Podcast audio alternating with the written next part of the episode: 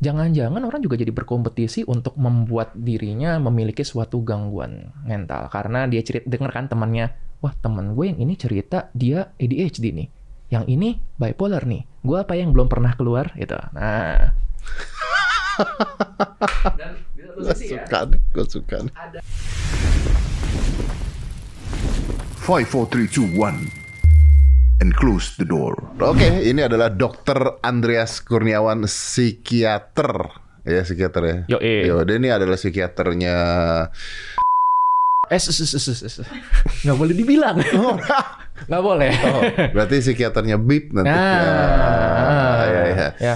Dan psikiaternya psikiaternya saya boleh dong kalau saya Ya, ngomong. boleh. Boleh Ah. dong ya kan. Jadi walaupun base uh, knowledge gua psikologi, saya tetap punya psikiater pribadi. Tuh, bayangkan. Luar biasa kan. Kalau saya tiba-tiba bipolar gitu, saya akan kontak Anda. waduh Diagnosa saya bingung nih. Oke bro, ini isinya sebenarnya bakal daging semua gitu. Karena gini, banyak sekali artis-artis yang tiba-tiba menjadi bipolar.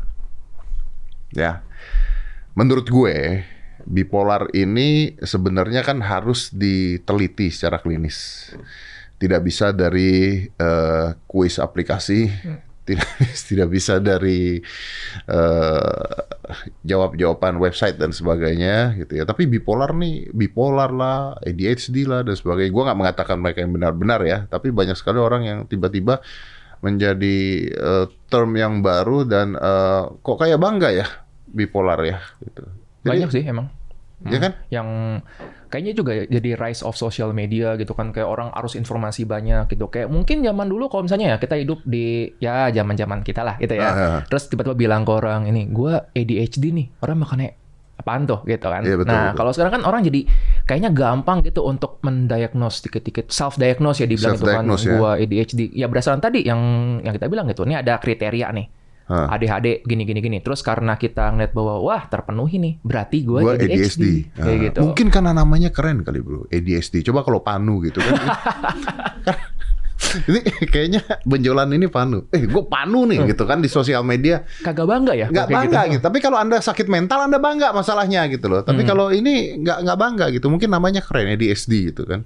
bener juga ya kenapa ya soalnya banyak yang jadi ini kan yang naro juga gitu misalnya di bio-nya gitu Ah. depression survivor gitu Betul. bipolar survivor kayak gitu Betul. ya kalau memang dia yang bener-bener gitu ya bener misalnya mengikuti prosesnya dari diagnosis sampai terapinya mungkin Hmm. Kayaknya nggak naruh di nggak nggak naruh di. kemungkinan sih enggak Nggak gitu.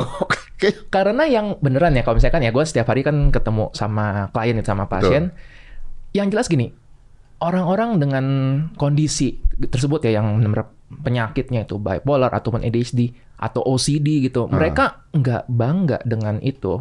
Justru mereka merasa nggak enak dan justru mereka datang karena gue pengen untuk gimana bisa hidup tanpa ini, Betul, kayak betul. gitu. menyembuhkan hal tersebut. Ya, me- menetralisir hal tersebut lah ya. Yes. ah. bukan akhirnya terus eh, dibangga-banggakan gue bipolar nih begini nih gue ADHD nih gitu lalu mencoba untuk meneri eh, membuat orang lain menerima atau membuat perlakuan mereka menjadi eh, diterima orang-orang gitu sebenarnya Gue setuju banget tuh. Jadi gue punya waktu itu pernah gitu ngomong gini, gue punya anggapan gini. Gue nggak masalah kalau lo self diagnose, tapi kalau lo menggunakan self diagnose lo itu untuk jadi senjata. Oh gue gue depresi nih, jadi gue nggak bisa berangkat kerja atau ya gue nih misalnya gue nggak bisa setia sama satu orang karena gue bipolar gitu atau ya gue nggak bisa fokus karena gue ADHD dan we have a problem gitu. That's a problem bro jadi gue Ah. tuh pernah juga kan kena masalah kan gue pernah kena masalah di, mau di cancel tapi susah meng-cancel saya. Berapa kali, bro, udah? Gua sering. Tapi kan saya nggak prank di polisi. What? jadi beda. Cancelnya jadi kan ada ada acara dan sebagainya. Terus orangnya mengaku dia depresi. Gitu. terus saya bilang anda nih ngomong depresi, Anda lagi ikut acara seperti ini, Anda ngomong depresi, malu sama tukang bakso depan yang masalahnya lebih banyak, gue bilang gitu. Oh, gue terus, tuh. ah, Gitu. terus gue diserang kan, Anda tidak tahu depresi itu seperti apa, Anda begini, begini, begini. Nggak, gini, here's what you don't know, here's what you don't understand gitu. Ketika, gini, knowledge gue juga psikologi lah gitu ya. Ya walaupun tidak sehebat Anda. Nah, Anda dia mengatakan depresi ini based on analisanya siapa gitu loh. Depresinya itu seperti apa? Anda ke dokter nggak? Anda sorry, Anda ke psikolog nggak? Anda ke psikiater nggak? Anda minum obat nggak? Anda apa nggak? Atau cuman karena lagi ada masalah lalu Anda mengatakan depresi dan sebagainya? Nggak bisa dong semua semua dikatakan depresi depresi lalu menjadi tameng Hmm. kehidupan bahwa saya depresi depresi depresi depresi. Zaman dulu depresi tampar sama bapak gua. Pak saya depresi, kepak gitu, depresi parah lu gitu. Nah makanya harusnya seperti apa orang-orang ini tuh mereka harus ke psikiater dong atau psikolog dong untuk untuk tahu itu. Sebenarnya dengan adanya itu ya informasi di kayak internet gitu, sosial media, gue sarankan sih itu jangan jadi ranah buat self diagnose tapi lebih ke self awareness. Jadi lo sadar bahwa misalnya tuh dengan ADHD, depression, bipolar, lo mungkin gitu memiliki gejala-gejala tersebut tapi nggak langsung otomatis dong translate bahwa you have that condition kayak gitu. Kalau itu sebatas untuk misalnya kok gue ngeliat nih tanda-tandanya, loh kok gue punya beberapa nih gejala ini, ya boleh aja lu untuk datang lebih lanjut lagi terus kayak tanya gitu kan. Hmm. Ada beberapa gitu, ada beberapa klien pasien yang datang terus bilang, dok I'm afraid that I ha- I might have OCD. I gitu. might have Yes. ya, Uh-uh. might have ya, Betul. atau might have bipolar gitu ya, might Betul. have ya. Hmm. Oke. Jadi justru kayaknya ya, gue nggak pernah sih datang yang benar datang, dok saya memiliki kondisi ini berdasarkan periksa apa nggak pernah. gitu. Justru karena mereka ragu gitu kan, I might have this condition, maka mereka ngecek kayak gitu.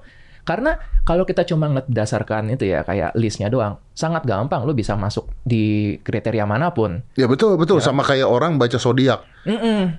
Itu kan cold reading gitu ya. Eh. wih, wih, cold, tahu cold trading.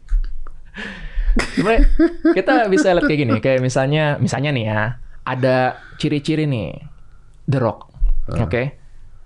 Kepalanya nggak ada rambut Iya, gitu kan. betul. Badannya gede, kekar, terkenal, suaranya ngebas, idola cowok-cowok. Lah kan sama kayak lu kriterianya. Tapi kalau misalnya kita ngeliat kan nggak bisa bilang nih, misalnya lu lihat bahwa kriteria The Rock ini, oh berarti gue The Rock. Berarti gue terus Kayak gitu. bisa.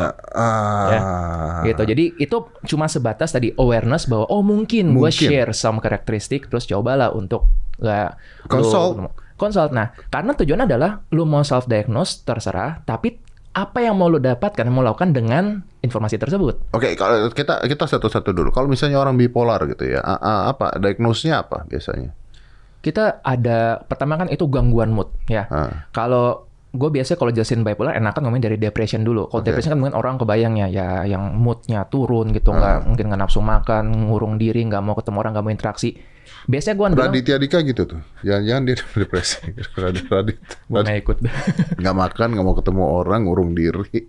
Nah, ada kriteria waktunya kayak Oh. gitu. Nah, karena bisa jadi kan ya, misalnya nih lu ya lagi ngalamin suatu masalah gitu, problem dengan pasangan atau apa, ya mungkin lo mengalami itu semua dalam satu hari dua hari gitu. Tapi Betul. kalau misalnya kita ngomong kayak depression ataupun bipolar itu ada kriteria waktunya. gitu Ada kan. kriteria waktu ya. Hmm. Oke. Misalnya kayak misalnya itu harus bertahan selama dua minggu gitu. Terus dan yang utama gini sih banyak orang yang salah mungkin ngira ya bahwa depression itu nggak senang. Jadi ketika orang dengan depression pun berharap bahwa gimana cara supaya gue senang, supaya gue bahagia. Tapi kalau kita ngeliatnya secara akarnya lagi, depression is not lack of happiness, it's lack of vitality, gairah hidup. Oke, not lack of happiness, Hmm. but lack of vitality. Hmm, makanya kalau kita menterapi orang dengan depression, ya targetnya bukan supaya dia ketawa.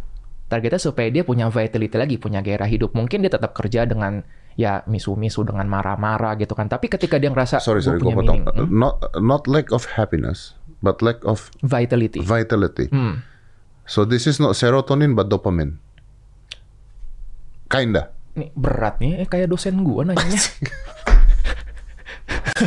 Ya kan banyak orang berpikir dopamin tuh hormon kebahagiaan. Ya, menurut gua itu hormon motivasi gitu, Yes. hormon untuk Nah. mendapatkan sesuatu gitu kan sebenarnya. turun juga. Karena kan memang kalau misalnya kita ngomong depression ya kan orang standarnya bilangnya oh karena imbalance serotonin kayak gitu. Ah. Tapi kenyataannya kalau memang segampang itu ya udah kita tinggal naikin semua serotonin orang di dunia Selesai. hidup bahagia gitu kan. Ternyata enggak kayak Enggak, gitu. Karena kan betul.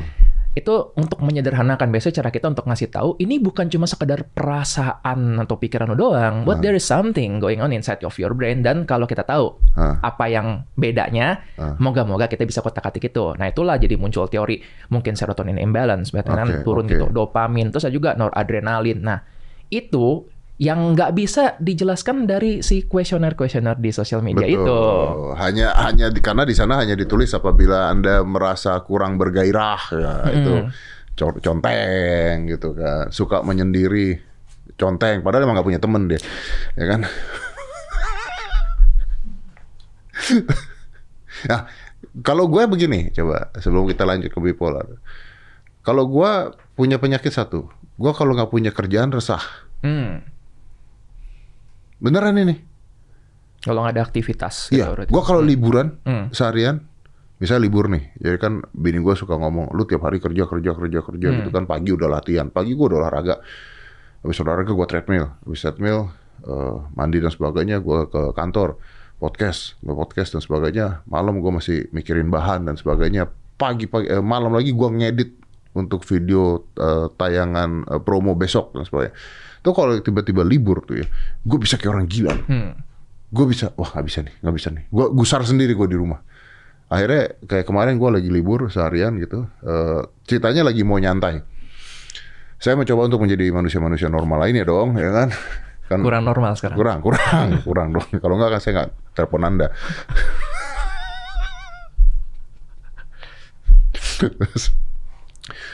Eh, bini gua eh, kita mau jalan-jalan atau mau ke mana atau mau apa nggak kita nyantai di rumah padahal ide gue nih ide gue kita mau nyantai di rumah gua besok off day man like totally off day gue cuma mau di rumah makan nonton Netflix Seperti manusia normal pada umumnya.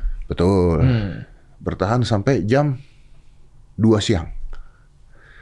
Saya langsung gelisah segelisah gelisahnya pak, gelisah segelisah gelisahnya kayak gue mutar-mutar sendiri, gue nengok nengok sendiri gitu kan. Bini gue nanya, lu kenapa? Gue gelisah, gue bilang. Kenapa gelisah? Gue tahu kenapa gue gelisah, karena I feel like my adrenaline down, gue bilang Hmm. motivasi gue hilang nggak tahu mau ngapain terus mungkin serotonin ya mungkin hormon kebahagiaan gue hilang ah lu nggak bahagia sama gue anjing kalau ngomong gue kan terus akhirnya what I do is you know what gue bilang I gonna work out Hmm. I gonna I gonna work out forget it nggak ada off day nih gue workout aja dah Hmm. udah gue latihan dan sebagainya Set- setelah selesai itu mood gue balik lagi Oke, ah. gitu mood gue balik lagi nah itu termasuk apa tuh bro Ketika tadi yang lu cerita tuh lu itu gue jadi mikir lu hidup lu sehari berapa jam sih? Kayaknya banyak banget yang lu lakukan gitu. Bagilah dikit. Gue tadi ngitung kalau misalnya gitu, gue pagi udah bang, udah olahraga workout treadmill, tuh kayak waktu gue udah habis tuh, udah sampai sore habis. Oke, ini ini nanti lu jelasin kenapanya ya. Eh, tapi gue cerita nih. Pagi saya bangun jam setengah enam lah, Hmm. setengah enam. Setengah enam bangun. Ini ini beneran nih ceritanya nih. Setengah enam bangun, nyalain nyalain lampu semua. Terus terkadang ngebersihin karpet. Hmm. gue bersihin karpet. Gue vakum cleanerin karpet satu-satu udah. Terus jam 7 nganter anak gue sekolah, balik nganter anak gue sekolah, Hmm. gue bikin thumbnail YouTube, eh, ngedit video buat promo dan sebagainya. Selesai jam setengah sepuluh lah atau jam sembilan setengah sepuluh gue latihan satu jam selesai jam sebelasan gue treadmill sampai jam setengah dua belas gue mandi mandi gue ke kantor podcast meeting podcast pulang kalau waktu waktu lagi gue latihan terus baru chill gue Baru lega rasanya gitu. ya but sometimes I can't sleep Hmm, hmm, hmm. karena otaknya muter terus Biasanya badan capek tapi kayak otak yang badan capek tapi gitu. otak nggak mau berhenti. Hmm, Oke. Nah itu kenapa tuh dok? Anda kan dokter. Di sini lagi nggak jadi dokter gue. jadi orang yang kebetulan mengetahui oh gitu. iya, iya, iya. Gue bayanginnya kayak gini, kalau hidup kayak game gitu ya. Kalau di game kan kita tuh ada achievement kecil-kecilan gitu, Ah. kayak side quest. Misalnya di game itu misalnya lo melakukan sesuatu, tahu-tahu ada muncul cahaya gitu kayak uh, achievement atau completed kayak Oh, gitu iya, kan. iya, iya, iya. Nah, itu sebenarnya tuh dalam hidup pun kita kayak gitu. Ketika lo tadi melakukan hal kecil kayak misal lo bersihin karpet, ketika selesai kan ada perasaan kayak eh fulfilled gitu. Ah. Nah, itu dopamin tuh keluar. Betul. Dopamin tuh memang tadi memberikan rasa pleasure, senang, tapi dia juga memberikan apa ya kayak motivation. Motivation betul. Jadi ketika lo melakukan the satu pagi-pagi, lo jadi kayak semangat gue mau melakukan yang lainnya lagi. Ah, Jadi memang wajar kalau lo setiap hari melakukan gitu dan dopamin itu nagih, ediktif. oke. Ya, jadi wajar dong kalau misalnya pas lagi libur lo nggak ngapa-ngapain, otak lo tuh nyari dopamin tersebut. Oh, Ya, walaupun dopamin dapat dari macam-macam kayak misalnya lu ngobrol sama orang dan ketawa-ketawa seru gitu lu nonton misalnya ya serial yang wah ini seru itu pun juga mengeluarkan. Iya iya iya. Tapi lu akan craving juga gitu dari workout. Tapi dari adrenalinnya nggak dapet kadang-kadang. Yes, uh-uh. makanya jadi ngerasanya kita punya apa ya kalau gue bilang tuh mental image tentang kondisi normal kita masing-masing. Oke, Nah. with this every person's different ya. Yes, Oke. betul. Nah, buat lo tadi berarti kalau misalnya lu disuruh untuk describe kayak kan hari normal lo gimana tadi tuh mental image-nya bahwa lu bakal aktif, bergerak, have something to do ya sana sini. Jadi ketika mental image itu berbeda gitu dengan kondisi lu misalnya lu diem, nggak ada yang nyuruh lu kerja atau nggak ada yang nyuruh lu buat aktivitas, tapi lu ngerasa kayak ini ada yang beda nih. Kayak gitu. Nah, itulah akhirnya kayak gelisah karena kita suka sesuatu yang kita anggapnya normal, yang wajar. Ah, so, some- jadi normalnya seseorang beda dengan normalnya orang lain. Tapi emang ada orang gitu yang normal, nyantai, diem gitu, happy gitu. Ada ya? Anda meremehkan saya.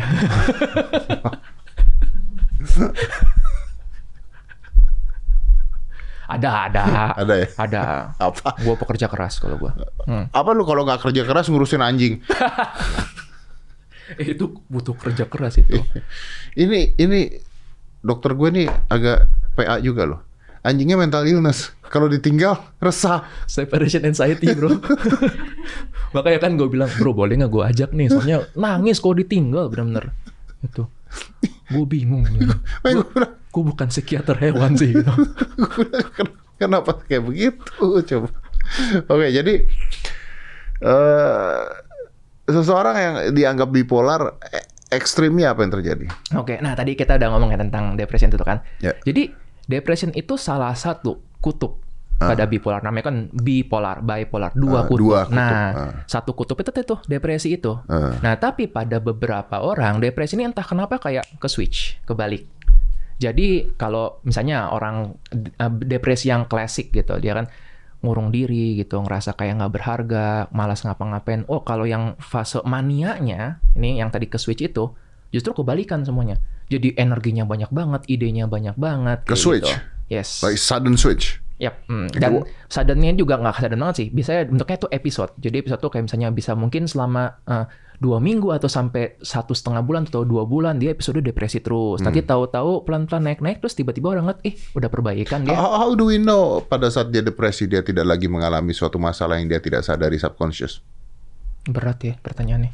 Dok, Lu nanya udah kayak dosen gue beneran. Aduh, gue gue trauma gue balik nih. itu pertanyaannya exactly yang ditanyakan sama dosen-dosen gue. Dari mana kamu tahu bahwa ini adalah eh, bukan karena dia trauma dengan apa? Susah loh pertanyaannya. Ya, tapi tapi it's possible dong, possible. It's possible dong. Makanya kita kan tanya itu kan.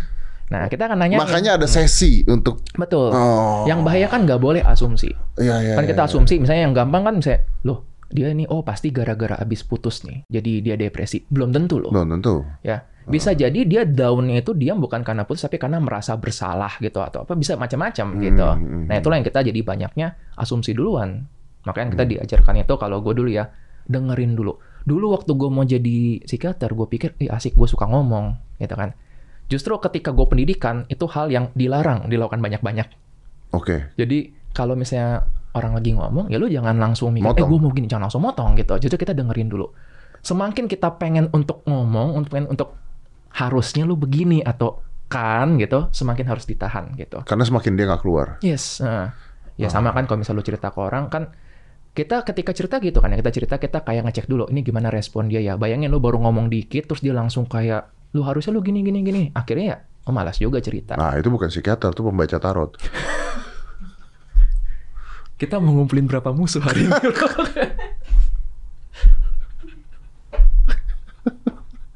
gawat nih Ya, kan bener baca tarot kan ngomong. ah, benar benar. Anda belum ngasih tahu masalahnya, dia udah tahu masalah Anda, kan Hmm. gitu kan?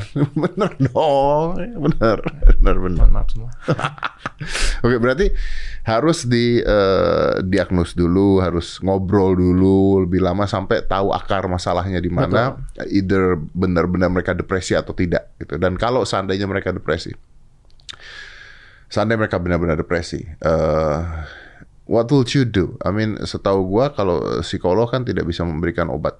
Kalau psikiater bisa memberikan obat. Would you give obat pada saat itu atau would you consult dulu ke mereka? kalau karena yang banyak ya datang ke gue itu kan mereka dalam kondisi gimana ya kalau gue ngomong sadar gitu artinya mereka willing untuk datang Hmm. Jadi biasanya gua nggak langsung bilang kayak nih lu harus obat kayak gitu. Biasanya gua akan jelaskan dulu itu biasanya kayak kebijakan gua. ya gue juga sih kalau gue mau terima obat, gue pengen dong tahu ini obat buat apa. Hmm. Ketakutan orang kan ketergantungan atau enggak gitu, atau efek sampingnya apa. Gue jelasin itu dulu. Hmm. Baru di akhir gue akan tanyain, menurutmu gimana? Apakah kamu bakal merasa perlu atau nggak dengan obat ini? Hmm. Gitu. Karena kalaupun memang dia perlu, belum tentu loh siap. I don't get it. Ya kan? Belum tentu dia siap untuk itu. Karena denial mungkin kan. Oke. oke. Ya ada beberapa orang yang kayak ya gue tahu sih bahwa obat bisa ngebantu, tapi masa sih gue sesakit gitu. Oh. Nah, jadi kesiapannya itu. Jadi kadang-kadang kalau misalnya saya kayaknya belum siap, ya udah nggak apa-apa. Jadi saat itu gue arahkan ke yang lain kayak misalnya mungkin banyak ya dalam proses terapi itu it's not me telling you what to do. Itu yang sering gue bilang sama pasien-pasien atau klien gue gitu. Dalam proses terapi gitu, ini bukan gue ngasih tahu lo harus ngapain. Ini pertemuan dua orang ahli. Sah, keren itu kan. Gue kebetulan ahli di kesehatan mental dan orang di depan gue itu ahli dalam hidupnya. Iya. Jadi nggak bisa nih gue ngasih tau lu harusnya gini, lu harus olahraga bangun pagi treadmill gitu kayak Om Deddy nggak belum tentu cocok buat bisa dia lo nggak gitu kan. ngerti hidup gua gitu kan intinya kan. Biasanya gue akan tanyakan ya, dari gue bisa jelasin gini, terus applicable nggak kira-kira ke hidup lo? Hmm. Karena pengennya sih gini ya dalam proses terapi gitu, ya yang pegang kendali nih berdua bukan satu orang. Hmm, hmm. Kayak gitu. Jadi termasuk tadi menentukan obatnya gimana, gue kasih list pilihan obatnya gitu. Dan biasanya gue nanyakan juga sih, dia pasti kan nggak tahu ya obat gimana. Tapi gue sering nanyain, kalau misalnya gue kasih obat, lu pengen obat yang efeknya kira-kira kayak gimana ngebantu dalam hidup lo. Hmm. Nah, nanti biar gue yang mikir kira-kira apa yang applicable di situ. Oke oke itu depresi ya. Ada Depresi. depression, mm, bipolar juga sama kok. Nah, kalau bipolar berarti mereka moodnya kan berubah tiba-tiba kan, Hmm. berubah dalam waktu berapa lama, berubah dalam waktu berapa lama. Uh, what create that? balik lagi sih ke ini ya. Kalau kita ngomonginnya Kalau kita nggak bicara trauma atau kita Hmm. nggak bicara dia lagi ada masalah dan ternyata Hmm. bukan bipolar ya misalnya, Hmm. tapi benar-benar we are talking about real bipolar. Yes, Uh, what create that? Biological sih. Jadi Biological? Ah, jadi saat ini ya, anggapannya adalah bahwa semua gangguan mental yang kita ketahui itu kalau dulu kan dianggapnya oh ini gara-gara trauma, gara-gara apa yang dulu kan sekarang banyak bilang inner child terluka gitu-gitu. Hmm. Nah, sebenarnya nggak lepas juga gitu bahwa namanya tubuh pasti kan nyambung ya sama Otak. ya otak kita gitu fisik. Nah itulah jadi muncul dari teori bahwa ada imbalance neurotransmitter, serotonin, noradrenalin dan sebagainya. gitu. Mm-mm. Jadi itu juga membuka peluang bahwa obat nih ada reasoningnya. Karena Hmm. gue pernah gitu merencanakan ngasih obat, terus pertanyaan dari ya orangnya adalah ad- orang tuanya sih gitu, yang bilang emang ada obat buat perasaan. Jadi seolah-olah kan orang perasaan tuh di sini gitu ya. ya, Tapi yang, kita, ya, yang, yang, ya, kita obatin bukan ini. bukan ini, ini, Ini, ya, ya. gitu. Sama seperti orang jatuh cinta, bukan sini, sini. kan. Besar, Wah. deep sekali. Hormonal. Tapi sakitnya di sini. sakitnya agak di perut sih pak. Kayaknya ahli banget. Oke, kalau kalau kita bicaranya itu I'm, I'm agree with you. Nah, tapi kan yang membuat hormon imbalance ini kan banyak, bro. Hmm. Ya kan? Ini kan nggak bisa kita mengatakan eh, bisa eh, sometimes eh, bisa diturunkan loh katanya Betul. bisa Hmm. diturunkan. ADHD diturunkan pattern. Jadi kita bilang sih trait ya trait. Jadi ciri kayak gitu. ciri ya. Hmm, Jadi misalnya pada orang tuh ini agak susah sih ya kalau kita ngomongin karena namanya membesarkan anak itu kan ada nature and nurture. Hmm. Nah nature itu artinya tadi genetik. Hmm. Nature ini ibaratnya ini anak nggak diapa-apain dia akan mewarisi sifat orang tuanya. Hmm. Nurture tuh pola asuh Hmm. gitu. Jadi orang tua pencemas, anaknya jadi pencemas. Apakah itu nature emang genetik turun atau gara-gara anaknya melihat ini kok nyokap gue dikit-dikit overthinking gitu. Nah jangan-jangan wajarnya seperti gitu. Tadi yang mental image-nya normal itu. Ya what they see Mm-mm. ketika mereka itu ya. Gitu. Nah, tapi akhirnya ada penelitian gini bahwa kondisi kayak bipolar atau skizofrenia atau depression itu faktor biologinya cukup dominan, genetiknya cukup dominan. Biasanya kalau penelitian itu dari anak kembar, terus mereka terpisah gitu dari kecil, dirawat di keluarga berbeda, ternyata cukup tinggi kemungkinan apabila yang satu nih mengalami kondisi kayak bipolar atau skizofrenia, yang satunya lagi yang dibesarkan di keluarga berbeda gitu dengan pola asuh berbeda ternyata juga punya kecenderungan Kecenderungan yang gitu. sama. Maka di situ jadi ngebuka waktu kalau dulu ya oh mungkin nih ada nih gitu kondisi itu. Nah, lalu makin maju kan mulai tuh genetik yang Human Genome Project mulai kayak mencari-cari ada nggak ya kira-kira DNA yang untuk apa ya menjelaskan tentang itu. Nah, itu ada tapi gue kagak ngerti karena ribet banget. Oke. Jadi cukup sampai ke mungkin ada kemungkinan situ. Ada kemungkinan di sana. Mm-mm. Oke. Dan itu bisa disembuhkan. Kita akan bilang bisa untuk dikendalikan. Sama kayak diabetes atau hypertension, ketika orang sudah memiliki itu, ya ada kecenderungan dia akan bisa seperti itu terus. Oke. Gitu kan? Tapi orang diabetes hypertension juga kan nggak terus-terusan minum obat kalau bisa ke handle dengan lifestyle Ya, gitu. lifestyle dan sebagainya. Makanya diabetes ada tipe-tipenya kan. Hmm. Oke, K- eh, bro, kalau ADHD itu ya, kan banyak juga sekarang orang-orang, wah saya ADHD dan sebagainya gitu. Eh, apa yang orang ADHD pikirkan? Wh- What What is in their mind? Oke. Gue gitu pernah dapat gini, eh, suatu penjelasan yang buat gue tuh bagus banget tentang ADHD gitu. Hmm. Kita bayangin ADHD itu kayak rabun mata, tapi tentang waktu. Kalau misalnya kayak kita nih ya, kita anggaplah nggak ADHD gitu, ya. Kita bisa bayangin kayak misalnya gue mau ngerjain ini sampai berapa waktu ke depan, sampai berapa jam ke depan, atau dalam berapa project kan bisa sampai mingguan atau bahkan bulanan. Nah, orang dengan ADHD itu kan attention deficit and hyperactivity disorder. Hmm. Nah, attention deficitnya itu bukan berarti kayak misalnya kita begini terus tahu-tahu misalnya oh gua ngecek HP atau apa balik lagi. Itu bukan ADHD, itu adalah distraction biasa. Nah, attention deficit itu benar-benar kayak dia kesulitan untuk ngebuat plan yang jangka panjang. Makanya kalau ibarat tadi dia kayak rabun gitu, ini rabunnya rabun waktu. Dia cuma bisa melihatnya yang dalam kondisi berat mungkin hanya 5-10 menit ke depan. Hmm. Ini yang membuat kalau misalnya anak-anak nih disuruh dia mengerjain, terus setelah 5-10 menit dia bakal kepecah perhatiannya kayak gitu. Dan ini yang banyak dianggapnya sebagai kayak bandel. Nah, pada dewasa, kalau yang ada juga kan ADHD dewasa gitu. Ini yang kita ngomongin yang true ya, yang beneran gitu. Dia akan merasa bahwa ketika dia ngerjain sesuatu tuh, kemampuan untuk fokusnya kayak dia tiba-tiba buyar aja. Bukan distraction, bukan apa-apa gitu. Tapi gue punya teman yang ter eh vonis ADHD sama sama, sama, sama psikiater ya. Maksudnya not dia bukan ini sendiri ya. Tapi fully functional. Hmm. berarti bisa dong. Bisa sebenarnya. Ya, jadi mungkin gini kalau misalnya teori yang kita pegang sih otak itu kan melewati fase-fasenya di mana ya kita tahu anak itu tuh tiga tahun pertama golden period itu segala macam perkembangan paling besar. Terus ketika dia lagi usia sekolah kan dia banyak mencontoh banyak ikutin dari mana-mana ada landmarknya gini kira-kira ya kasarnya. Sekitar umur 17-18 kepribadian itu tuh udah mulai-mulai kayak fix. Jadi kalau nih anak suka bercanda easy going pas 17-18 tuh dia tetap begitu ya kemungkinan dewasanya pun akan kayak gitu juga Hmm, kayak gitu. nah itu ada landmark kayak gitu. Oke oke. Nah, kalau untuk otak ya ada yang bilang tadi sekitar di 17 tahun itu pun udah mulai fix, 21 tahun itu juga yang poin berikutnya lagi gitu yang fix. Jadi target kita makanya kalau menangani ADHD itu ini kan perkembangan Hmm. sebisa mungkin seawal mungkin. Nah, pada dewasa, katakanlah gimana orang yang nggak pernah sadar dia ADHD, terus dia baru datang konsultasi udah umur 23 misalnya. Kalau tadi kan berarti teorinya otak gue udah fix nih, Hmm. udah nggak banyak bentuk lagi. Tetap bisa ditangani, cuma mungkin emang nggak selalu dengan obat, mungkin kita dengan peri- perilaku ya, apa ter, belepotan gue ngomongnya. Terapi perilaku. Terima oke Hmm, misalnya kayak dia gampang untuk eh, terpecah perhatiannya, kita emang sengaja ngajak dia buat timer, di timing gitu aktivitasnya. Atau dia suka lupa naruh barang karena distracted gitu ya, kita bikin satu tempat di mana dia bakal naruh gitu terus. Hmm. Nah, otak manusia itu terus-terusan berkembang.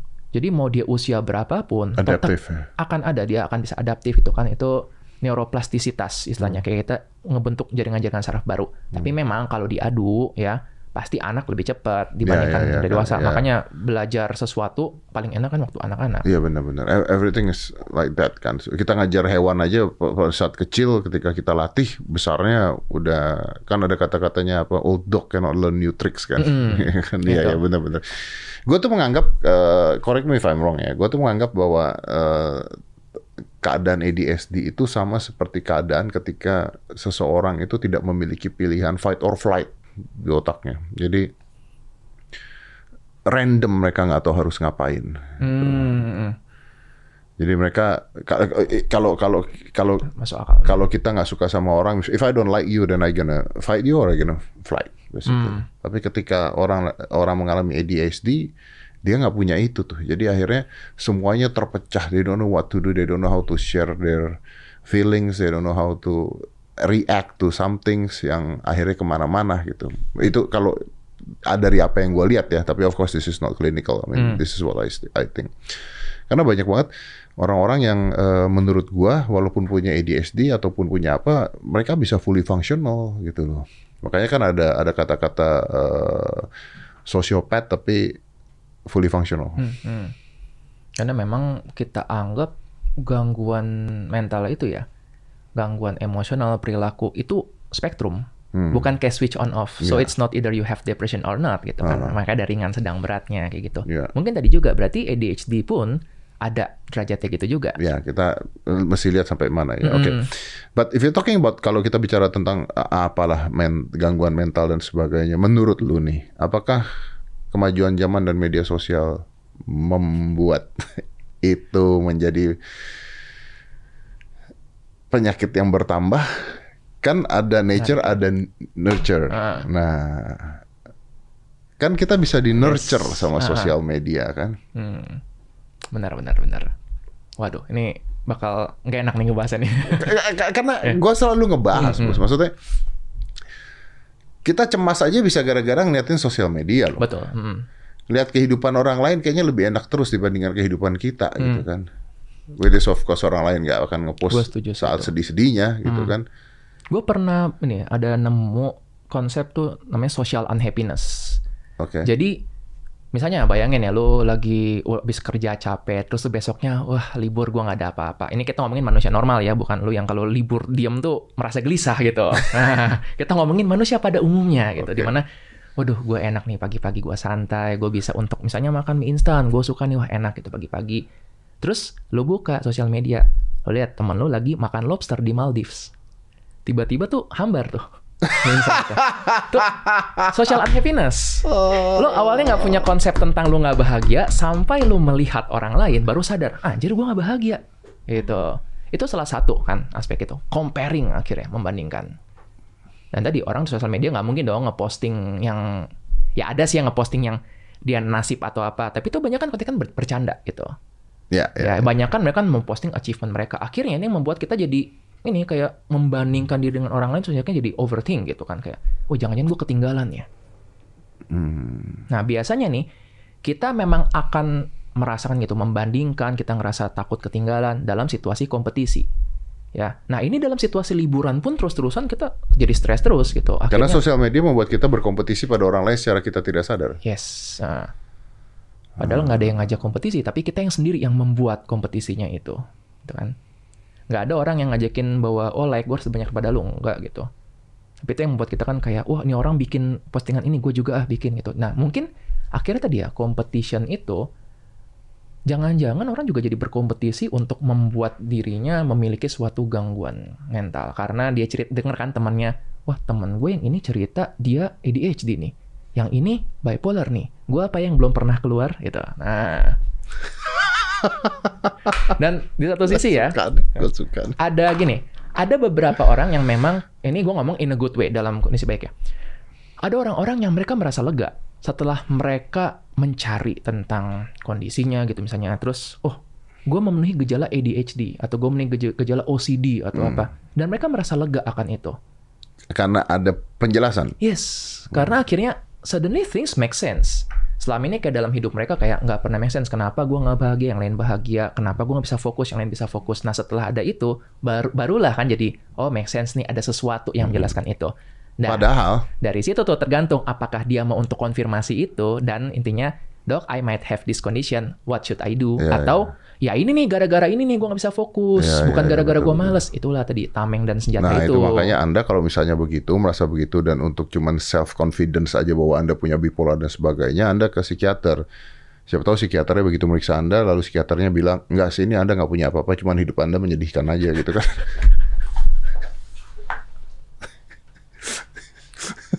Nggak ada yang gitu. Nggak ada. kita, kita mah. Nggak ada yang gitu ya dok ya?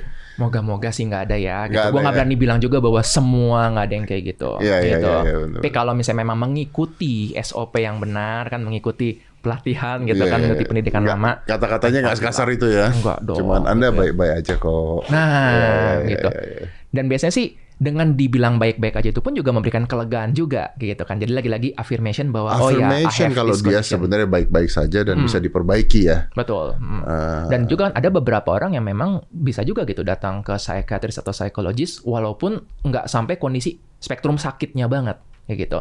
Ya sama dong kita juga bisa misalnya datang ke dokter kulit misalnya. Hmm. Kan nggak perlu sampai jerawatan atau yang luas banget. Kita bisa Oh, kayak oh, gimana? Bisa, bisa, bisa, maksudnya bisa untuk eh, diskusi kan sebenarnya kan? Sebenarnya bisa gitu. Ya, itu juga yang membuat akhirnya ya kan, eh ini salah satu backfire-nya juga gara-gara ada kan yang self diagnose itu ya. Orang-orang jadi ada juga yang takut datang karena mereka jadi punya bayangan gimana kalau misalnya gue datang ke psikiater atau psikolog terus gue bilang saya khawatir saya punya ini entar tahu tuh dibilangin gitu sama psikiater psikolognya enggak kamu mah nggak punya begini kamu ini aja cuma berlebih-lebihan atau apa ada loh yang takut seperti gitu Saya yakin dan pasti dia akan mencari second alternatif ke dokter lain sampai mendapatkan sampai menemukan Mm. bahwa dia sakit. Hmm, karena ya kita pada dasarnya emang manusia suka penjelasan ya. Kita nggak suka sesuatu yang kosong nggak ada penjelasan. Kita kan terima penjelasan apa pun itu, entah itu benar atau salah.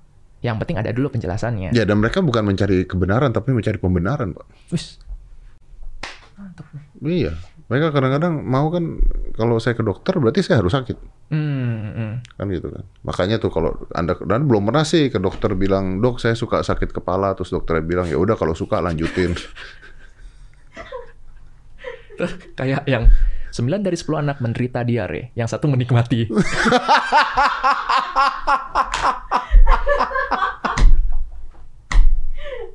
Bener juga ya. 9 dari 10 menderita diare, yang satu menikmati. Bener juga. Bener. Oke. Tadi yang tadi jangan dianggap serius ya itu ya. Gawat gue dipanggil nanti sama. Gitu. Ya siapa tahu emang bener-bener nikmatin kan kita nggak tahu.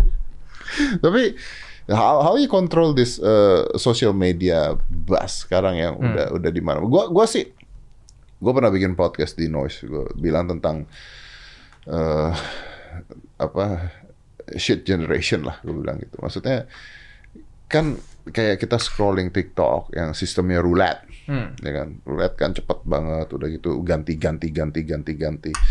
Itu kan lu dikasih dopamin yang berlebihan, dikasih apa namanya eh, serotonin yang berlebihan dan sebagainya. The problem is is instant, Yes. hmm. instant dan itu jadi kecanduan kan, instant. Dan segala sesuatu serba instant kan sekarang kan. Nggak ada tuh orang masak dulu apa dulu ya kan? Langsung gojek gitu kan. Belanja bisa Tokped gitu kan. Semuanya serba instant. Nah kayak TikTok Instagram dan sebagainya lah. Eh, buat gua gua gua selalu ngomong ke anak-anak gue gitu ya. Misalnya lu lu mau gini gini gini. Gua gua cut dulu tuh pernah ada kata-kata begini eh show me your friends I tell you your future. Gitu kan. Sekarang gue bilang ke anak-anak gue show me your history of social media. I'll tell you your future. Benar, benar, benar. Karena saya masih tidak ngerti kenapa joget-joget itu ditonton. Maybe I'm too old for that man. Tapi I don't I I don't get it, dude. okay, it's fun. Tapi isn't it lihat satu is enough gitu? Like like di scroll ketemu itu lagi, di scroll ketemu itu lagi. What the hell? Gue main di Twitter ya, Instagram ya, TikTok gue nggak ngerti, beneran. Sih? Ya. Karena ada beberapa juga rekan-rekan yang mereka misalnya edukasi gitu. Ya, but honestly, gue ya mungkin kembali ya, umur mungkin umur kita nggak beda jauh gitu, generasinya beda. Iya, gue nggak ngerti gimana kayak misalnya gini. Itu kayak Heeh. Ya, eh, ya mungkin kembali kan itu adalah gimana cara untuk menjangkau generasi Iya, yang betul. lebih muda gitu. Ah. Ya di sisi lain, em, mungkin kembali ya ini normal image tadi itu bahwa ada suatu norm, eh, mental image yang normal. Gue nggak membayangkan bahwa itu bisa menjadi cara untuk edukasi buat gue. Buat yang lain, iya silahkan gitu Hmm. nggak apa-apa. Nah makanya gue menggunakan cara lain misalnya dengan tulisan. Ya kalau gitu. edukasi, bro. Ini gua nggak bicara edukasi, bro. Ini kita ngomonginnya berarti tentang yang nggak ngapa-ngapain Konten-kontenan gitu ya? yang goyang-goyang dan Ah. sebagainya itu ditonton tuh Ah. membuat happy itu gimana ceritanya karena anda tidak Hmm. bisa goyang seperti itu karena lalu semuanya ikut-ikutan goyang seperti itu this is something wrong Yes, gue bayanginnya sih kembali manusia suka tadi ya kita ngomong bahwa manusia suka untuk dijelaskan, kembali manusia suka untuk jadi bagian dari sesuatu. Makanya kan challenge-challenge kita kan banyak ya. Dulu kan ada misalnya yang ya ada TikTok challenge apa-apa gitulah atau dulu pernah tuh gue ingat waktu awal tuh yang ice bucket challenge kayak gitu. Manusia suka menjadi bagian dari sesuatu. Karena ini balik lagi sebenarnya kayak apa ya bagian dari gimana kita didesain. Zaman dulu tuh waktu kita ngomonginnya dulu banget lah masih manusia purba masih berburu gitu hunter gatherer. Kita tuh perlu menjadi bagian dari kelompok supaya kita ngerasa aman. Ibaratnya kalau lu berbeda dari kelompok tersebut, ya kelompok ini bisa nge-kick lu. Hmm. Dan being kick off out of the group means certain death, gitu kan. Nah, itu masih kebawa sampai sekarang sehingga kita jadi sangat takut Oh, wow. ditolak, kita takut bahwa kita nggak bagian dari komunitas. Makanya kan anak-anak remaja atau sekolah gitu mereka sangat takut ketika nggak diterima peernya. Kalau Ya. ditanya pun misalkan bisa bilang ya kan lu temen yang lain banyak kok nggak dapat teman di sekolah ya udahlah dari luar atau apa. Tapi mereka juga nggak bisa menjelaskan kenapa perasaan gak nyaman itu muncul. Nah tadi itu kemungkinan memang bawaan dari ya riwayat evolusinya kita. Ya, but the problem is dengan adanya sosial media seperti itu yang semuanya lalu bergantungnya pada internet dan komputer di dalam kamar. Gue pernah ngomong di podcast gue juga gitu. Aska itu kalau gue pulang dia turun. Hmm. Sekolah masih gue antar, makan harus bareng sama gue, eh, gym harus bareng sama gue. Lu di kamar pada saat gue nggak ada, gue pulang, no, you're there, Hmm, hmm. home with me, gitu kan. Karena gue bilang kalau dia ada di atas, siapa pun ini anaknya, ketika dia ada di atas itu cuma ada beberapa pilihan, either anak lu main game, ya kan, jerking off, Remaja lagi pasti. remaja ah. pasti kan, ya have, gue nggak ada masalah dengan Ah. itu gitu kan, watching porn or talking shit about other people. Hmm. yang, yang jadi masalah kan gini pak, eh, lu menyadari nggak ya? eh, lu menyadari nggak bahwa anak-anak zaman sekarang susah bersosiala- bersosialisasi dengan manusia. Hmm, hmm. Jadi ya itu mereka deketin cewek aja deh. Kalau zaman dulu kan deketin cewek minta nomor telepon, minta apa, minta apa, minta apa. Ini bisa ada orang jatuh cinta di Discord loh pak. Hmm, hmm. Diputusin di Discord nangis-nangis pak. Ketemu aja belum. Yes. Oke, ah. That's dude. It's sick. Kita harus nyiptain nama untuk penyakit itu. gitu. Biar orang-orang suka pakai namanya.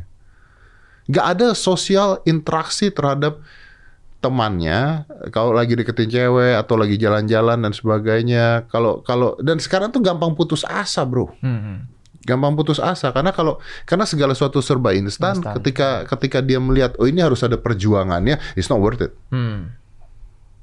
it's not worth it Ya sih, kalau emang dipilih ada yang instan sama ada yang lama, kita akan mencari yang gampang. betul Yang gampang yang instan. betul ya kan? tapi kan eh, kadang-kadang segala sesuatu nggak semua sesuatu yang instan itu baik buat kita juga kan maksudnya kan gue punya punya gue punya gue tahu cerita orang yang jatuh cinta dengan wanita di Discord lalu diputusin sama ceweknya dan mau bunuh diri padahal nggak pernah ketemu ceweknya tuh gue tahu Hmm, hmm, hmm. di otak gue itu doesn't make sense gitu loh. Dan cara deketin ceweknya juga kalau ketemu juga terus nggak ngapa-ngapain juga gitu. Karena eh, sosialisasinya hanya di Discord. Kalau ketemu orang beneran mereka bingung, awkward. Hmm. Dan itu makanya gadget dibilang mendekatkan orang apa menjauhkan yang dekat, Mendekatkan yang jauh. Gitu kan, mendekatkan yang yang jauh gitu kan. Keluarga ngobrol nonton TV. Gue kalau nonton TV sama anak-anak gue satu main handphone gue marahin. Hmm. This is not the time gue bilang. Karena seberapa importantnya sih Oke. hmm. Ya kan seberapa importantnya sih? Nah eh, kalau gua pribadi kalau ditanya gue sih khawatir ya. Gue sih khawatir Eh, apa yang lu tonton gitu loh. Apa dulu yang lu tonton tuh apa? Gue I have no problem with TikTok I have no problem with sosial media. Tapi apa yang lu tonton di sana itu yang jadi masalah. Hmm. gue nggak yakin yang mereka tonton semuanya adalah ilmu pendidikan dan sebagainya atau omongan lu. Omongan gue banyak nyampahnya bro, banyak bercandanya juga. Iya, tapi maksudnya Iya. maksudnya yang ditonton ya pengkultusannya beda lah. Yes, ah, gitu. ah. Jadi kualitas itu ya kan garbage in garbage out, gigo. Nah, iya itu kan, Hmm. seperti itu kan. Gue percaya bahwa sosial media itu ya kayak buffet all you can eat. Ya punya banyak makanan di situ dan ketika lu makan yang nggak beres gitu, terus lu jadi ngeluh-ngeluh gimana sih nih kok gue habis makan ini jadi perut gue sakit, gue jadi mual-mual. Ya ingatlah itu apa yang lu makan, kayak gitu. Kita gue setuju makanya dengan tadi kalau kita tahu nih apa konten yang bisa untuk konsumsi baik apa yang enggak ya mungkin kita bakal lebih milih gitu kan di sisi lain karena tadi sosial media adalah buffet all you can eat, kita nggak bisa juga bilang kayak gue nggak suka konten ini, konten ini nggak boleh ada gitu. Lah, ya udah jangan dimakan. Ya, tapi gitu. menurut gue itu propagandanya dari mereka juga karena Hmm. hal-hal yang negatif-negatif atau hal-hal yang lucu-lucu, nari-nari nggak penting dan sebagainya itu yang diboost sama sosial media dan lebih menarik. dan ya, lebih saja. menarik, Mm. ya kan? Ya tadi ningkatin dopamin itu menjadi merasa kayak wah ini gue pengen jadi bagian dari grup ini. Coba kalau challenge-nya ya challenge uh, six pack challenge gitu ya Mhm. orang bakal ngelakuin itu tapi susah. Tapi susah. lebih Ah. gampang ya challenge yang joget atau apa kayak gitu. Kembali gue nggak bilang bahwa joget itu gampang ya gitu. Hmm. Tetap aja itu kita ngerasa kayak ya gimana cara tercepat supaya gue menjadi belong in a group, belong, Belong in in a a community. group. Mm-mm. Itu yang diinginkan kok. Okay, but there is no problem when you're not belong to the group. Kita berharapnya orang menyadari hal seperti itu sebenarnya. Bahwa it's okay untuk lo sendirian. Ada beda ya antara sendirian sama kesepian gitu Ya, kan. ya, ya, Ya two kan? different thing kan. Betul kan? Semua orang kan takut bahwa ya tadi ketika gue sendirian, ini kayak balik ke caveman syndrome kita gitu ke masa lalu bahwa ketika kita masih hunter gatherer, masih manusia purba, ya sendirian itu menjanjikan lu bakal susah hidupnya bahkan mungkin kematian. Makanya Ya. kita segitu takutnya dengan sendirian. Segitu takutnya dengan kesendirian. Mm-mm. Ya, tapi ketakutan dengan kesendirian tersebut tidak tidak dijawab dengan bersosialisasi sekarang dijawabnya dengan sosial media. Ya kan? Mm. Jadi mereka ngelihat dari orang-orang lain dan merasa teman kan. Mm. You know, a lot of people like here. Gue sering banget tanya sama ini banyak masa penyakit-penyakit aneh sih menurut gue. Gue suka ngundang cewek-cewek di sini yang kadang-kadang seksi-seksi. Dan hampir semua cewek itu pernah mendapatkan DM gambar kemaluan Mm. cowok gitu. Gue tuh sampai detik ini nggak paham apa yang terjadi. Pertama, apakah si cowok-cowok tolol ini eksibisionis, pengen memperlihatkan kemaluannya, Eh, atau secara seksual mereka ya eksibisionis ya akhirnya ya happy mem- mem- memperlihatkan hal tersebut. Karena menurut gua cowok-cowok yang ngasih DM cewek-cewek ini gambar itunya dia, cewek-cewek ini juga gak akan mau sama mereka gitu loh. Mm. Lu nggak gitu dong cara dapetin cewek dong gitu kan. Jadi tujuan dan gunanya tuh apa gitu. Itu yang gua nggak dapet sampai detik ini. Mm. Tapi itu terjadi di sosial media. You do things that you do things that st- very stupid. And you do it. Mm. And you do it. Yang lo nggak bakal lakukan di dunia nyata. Ya mungkin nggak akan lo lakukan. Ya mungkin, gitu. ya mungkin. Ya, Tapi mungkin karena mereka tertutup oleh avatar. Possible. Mm. Atau mungkin karena mereka merasa bahwa mereka tidak akan ya gini deh, dulu juga ada tuh orang yang tiba-tiba di jalan eh, buka sampai ditangkap ke orangnya, buka kaca mobil terus dia lagi jer- jerk off ya kan di depan cewek dan sebagainya akhirnya diusut ditangkap. Mungkin apakah mungkin setiap manusia ada orang-orang yang suka melakukan hal tersebut tapi tidak bisa melakukan hal tersebut karena selama ini akan terlihat siapa. Dan ketika mereka ada di dunia sosial media, mereka punya avatar-avatar yang tidak dikenali orang. Hmm. Jadi ini bukan bukan gue, ini ini my my other side yang lu nggak akan tahu. Lu bayangin nggak ketika nanti metaverse kejadian, Rusuh kayaknya. Ya kan? Seperti apa coba? Hmm. I see, this interesting. Hmm. Gue kepikiran tentang itu sebenarnya agresivitas. Ya. Lo mau menyampaikan agresivitas lo, dan tadi lo nggak bisa kayak terang-terangan, akhirnya lo menyampaikan agresivitas dengan cara lain yang lo merasa lebih aman. Entah itu berbalik di tembok anonim, atau karena secara proximity nggak ketemu gitu. Ini deh, pasti banyak kan yang pernah mungkin message lo ngajak lo berantem atau ngantang-ngatain lo gitu kan. Tapi in real life, ketika ketemu, kemungkinan mereka nggak bakal ngomong gitu. Ya berarti so pathetic dan. Yes, heeh. jadi tadi mereka mencari tempat untuk merasa aman, untuk menyalurkan agresivitasnya. Sosial media adalah tempat yang paling aman buat menyalurkan itu karena in the, in on the internet you can be anyone.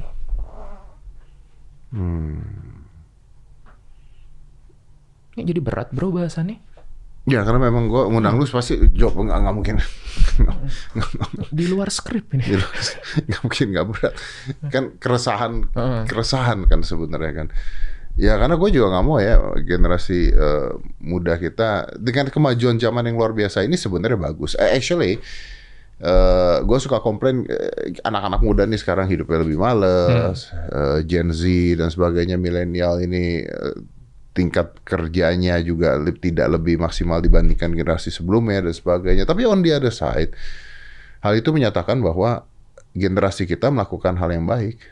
Hmm, hmm, hmm. Toh generasi kita ketika lu dulu berusaha bekerja luar biasa dan sebagainya, tujuannya adalah untuk membuat generasi yang lebih Yes. lebih aman, lebih nyantai, lebih apa dong? Berhasil artinya gitu. Jadi mereka akhirnya ya hidupnya lebih menyenangkan lah dibandingkan dibandingkan generasi-generasi yang sebelumnya. Itunya oke Yes. gitu. ah.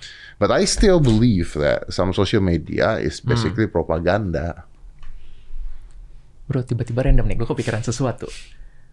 Ini insight ya barusan banget. Jadi kan kita sering mem, kayak ceritain gitu, oh ini orang tua gue atau kakek gue sering ngomongin, oh zaman saya dulu gini-gini, kalian sekarang enak. Kayaknya kita barusan melakukan hal yang sama dengan anak muda yang menggunakan TikTok. Betul, Ya. betul. Jadi berulang lagi history repeats gitu kan. Karena kita nggak bisa memahami atau kita nggak bisa kayak tadi fully ya meng- memahami gitu Hmm, how it hmm, works. hmm. Kita ngerasa kayak ini lo ngapain sih kayak gitu. Harusnya nggak usah kayak gitu ya. Ternyata emang history repeats ya. Kita melakukan juga apa yang dilakukan oleh orang tua kita atau kakek nenek kita. Mungkin nanti generasi TikTok ini pun akan ngomong juga nanti ke generasi metaverse. Iya. Zaman saya dulu itu kita tuh joget-joget gitu direkam mana ada diedit pakai avatar 3D gitu. Mana ada sekali ceklek langsung jadi videonya Nah. gitu ya. Dulu kita harus capek-capek pakai lighting, pakai apa. Jadi mikir apakah emang setiap generasi merasa dirinya paling menderita ya? Bisa jadi. ya. Kita Bisa sekarang jadi. bisa bilang kan kayak, oh generasi kita zaman pandemi susah mau ke mana-mana gitu. Nanti mungkin yang berikutnya beda lagi gitu, akan merasa. Karena ya mereka merasa itu paling menderita karena mereka ngejalaninnya kebetulan timeline yang itu doang. Mereka Hmm. ngejalaninnya masa itu doang. Iya, iya, iya. Tapi kepikiran gua juga jadi satu kepikiran juga. Kok tiba-tiba perang gitu gimana? Ya, perang bro. Berisik ke mana-mana. Hmm, Kok tiba-tiba perang gimana? Kayaknya yang siap generasi sebelum kita deh. sepertinya sih ya. Hmm. Atau mungkin, Atau mungkin sudah pakai drone. beda. Warnya beda Iya gitu kan? kan. Mungkin bukan warnya, makanya kan ada yang kayak psychological war. kayak Social gitu. media war. Mm. Ya pada dasarnya kita tetap menggempur juga, tapi gempurnya mungkin bukan. Can you kill someone by social media? Yes, you can. Mungkin yes, directly mungkin enggak. Cuma tadi bisa jadi kayak ketika seseorang mendapatkan pressure segala macam dan ini yang eh, di luar ya kan ada tuh yang KYS gitu, kill yourself gitu kan. Itu ya mungkin kalau munculnya cuma satu udah gitu, lewat aja. Ini emang cuma haters aja. Tapi ketika seseorang mendapatkan bullying itu dari berbagai orang, bisa jadi dia percaya bahwa ya aku emang nggak berharga. Ya, ya, ya. Tuh, makanya bisa jadi benar-benar mungkin secara bukan secara langsung tapi bisa jadi gitu membuat dia ngerasa kayak mungkin yang dikatakan teman-temanku benar. Ya. Karena kalau nggak benar kenapa banyak banget yang ngomong? Ya betul itu sama dengan cerita anekdot yang mengatakan kalau satu orang ngatain lu monyet, tampar orangnya. Kalau dua orang ngatain lu monyet, katain balik. Kalau tiga orang ngatain monyet, mikir. Kalau udah semua orang ngatain monyet, coba deh mungkin lu emang bebulu. Karena nggak nyadar kalau dirinya monyet gitu. Hmm. Atau mereka berpikir bahwa dia nggak worth it. Gitu kan. Yes. hmm. Dan tapi kan itu kan bisa terjadi karena cancel nations, karena cancel culture. Oh, oh, ya kan hmm. orang-orang di cancel cancel cancel sosial media kan bisa bisa ngerusak orang dengan adanya cancel culture Hmm, hmm. di cancel bahkan sosial media orang-orang yang jumlahnya sedikit aja ketika mereka mendapatkan cancel dan sebagainya mereka kepikiran loh Hmm, hmm, hmm. ini imagine ketika orang ngatain lu yang butuh cuman 5 detik untuk nulis buat ngatain lu dan lu kepikirannya Hmm. seharian kayak di I'm not overthinking you are underthinking gitu kan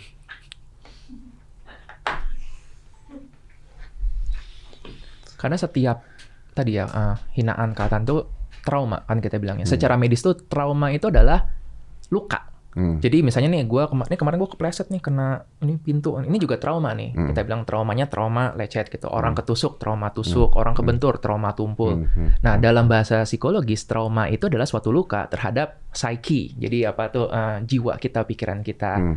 Nah kita nggak bisa bilang ya lah cuma kena dikit gitu doang masa sih sampai segitunya banget tergantung loh kenanya di bagian mananya Hmm. gitu kayak misalnya katakanlah ada seseorang kena sundut rokok ya lah cuma sundut rokok doang tergantung di bagian mana Hmm. kalau itu di bagian yang saya wajah itu mungkin big matters banget. Ya, Kayak gitu. Dan Nah. tergantung karakter orangnya juga. dong. Betul. Nah kayak tadi mungkin kita nggak ya lah cuma bercanda ngomong gitu masa sih baper banget. Bisa jadi buat dia itu menyakitkan banget.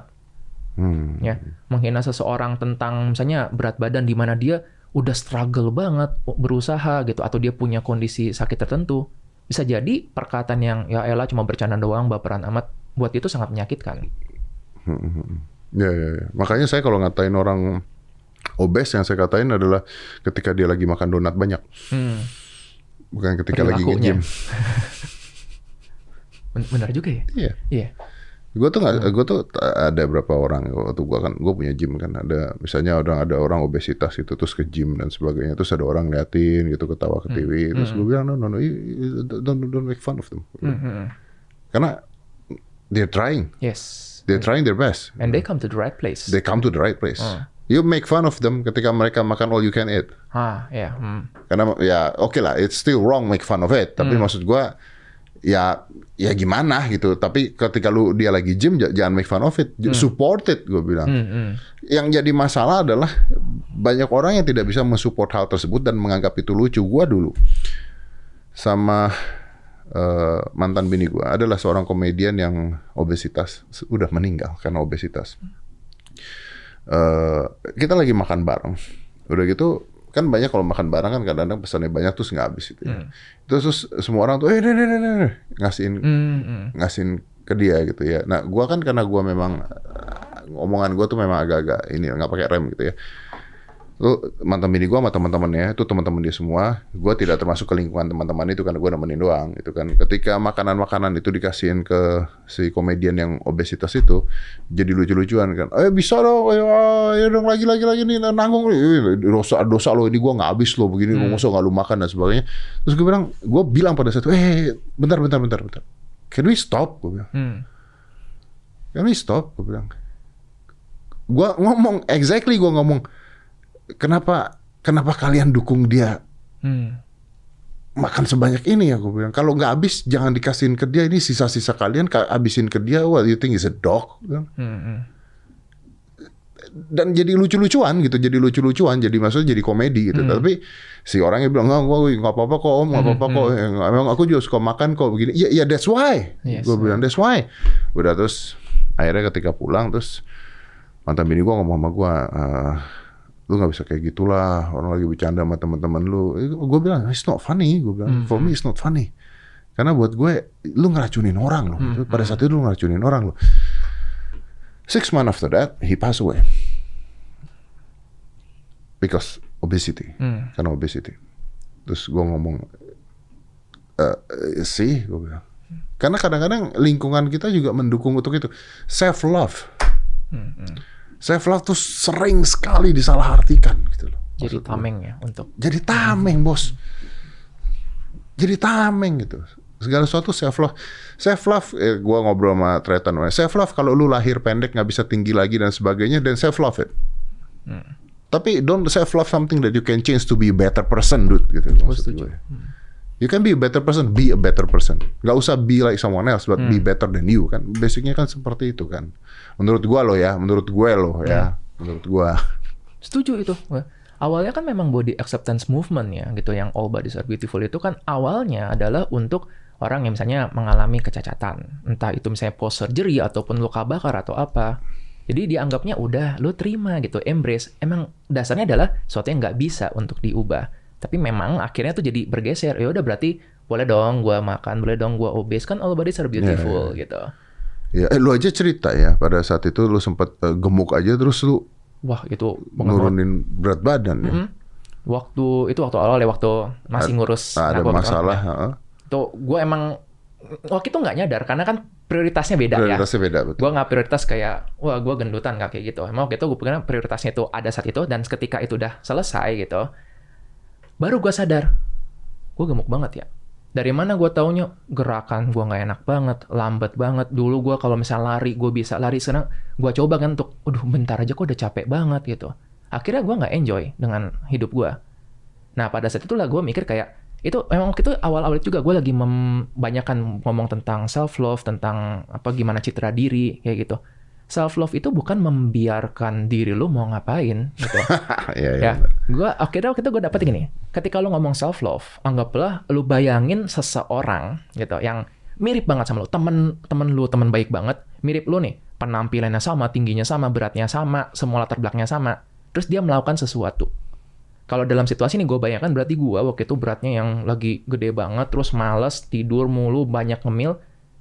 Lu sebagai teman dia, yes. Apakah lu bakal bilang, nggak apa-apa, self-love aja bro, makan terus aja? Enggak. Gue kan bilang kayak, eh, makan boleh sih, tapi kayak udah kebanyakan deh. Ya. Nah, jadi kalau kita bisa ngomong itu ke orang tersebut, coba kita perlakukan yang sama ke diri sendiri juga. That's self love. Yes, be kind to yourself. Nah, be kind ini memang beda-beda. Kalau misalnya pas hari itu gue lagi stres banget, terus mikir ya udah deh hari ini lu makan agak manis nggak apa-apa gitu, nggak apa-apa. Tapi ketika besoknya manis lagi, minggu depannya full manis lagi, kayak ini udah nggak baik. Remind yourself. Yes. Itu self love. Ya, ya, itu self love betul. Karena you reminding yourself ya. Ya, ya, ya, ya. That's self love. deep sekali. Ah, aduh, kayaknya kita udah aneh. udah sejam lebih nih kita ngobrol. Ini kita bisa panjangin berapa jam nih kalau ngomongin kayak beginian nggak habis-habis nih. Enak banget nih. Tapi Next lah. tapi basicnya ya mungkin yang bisa diterima sama penonton kita atau pendengar kita adalah ketika lu merasa ada sesuatu ada problem tentang kemen, eh, tentang kejiwaan dan mental dan sebagainya, you go to the professional dude. Just go to the professional. Jangan jangan jangan lu self diagnose lu mengatakan oh gue punya masalah ini punya masalah. The, the problem with self diagnose is menurut gua you will have uh, unknown outcome setelah itu Hmm. lu lu bisa melakukan hal-hal stupid gitu maksudnya bisa healing healing sendiri bisa apa sendiri tanpa tahu masalah yang eh, lu punya apa gitu ini punya profesional ada profesional yang memang memang kerjanya di sana ya go to professionals. Anyway if someone want to contact you ke mana bos? Gue banyak aktif di Twitter sama Instagram sih ya. Kalau praktiknya sih gue di rumah sakit. jadi kalau mau misalnya mau eh, ke dokter silakan ke sana. Kalau enggak di Instagramnya dan di mananya ada kontak juga ya? Ada, mm, ada kontak juga? Ya. Andreas Kurniawan. Itu doang? Udah itu aja. at Andreas At Kurniawan. Andreamon gue. At? N D R E A M O N. NDRE A M O N. O N. Mm. Ah, Oke, cari di close friend gue aja lah, soalnya dari dulu ada di tempat gue. Ah. Thank you brother. Thank you, Sukses bro. terus ya. Yo, Let's gitu. close this. Five, four, three, two, one, and close the door.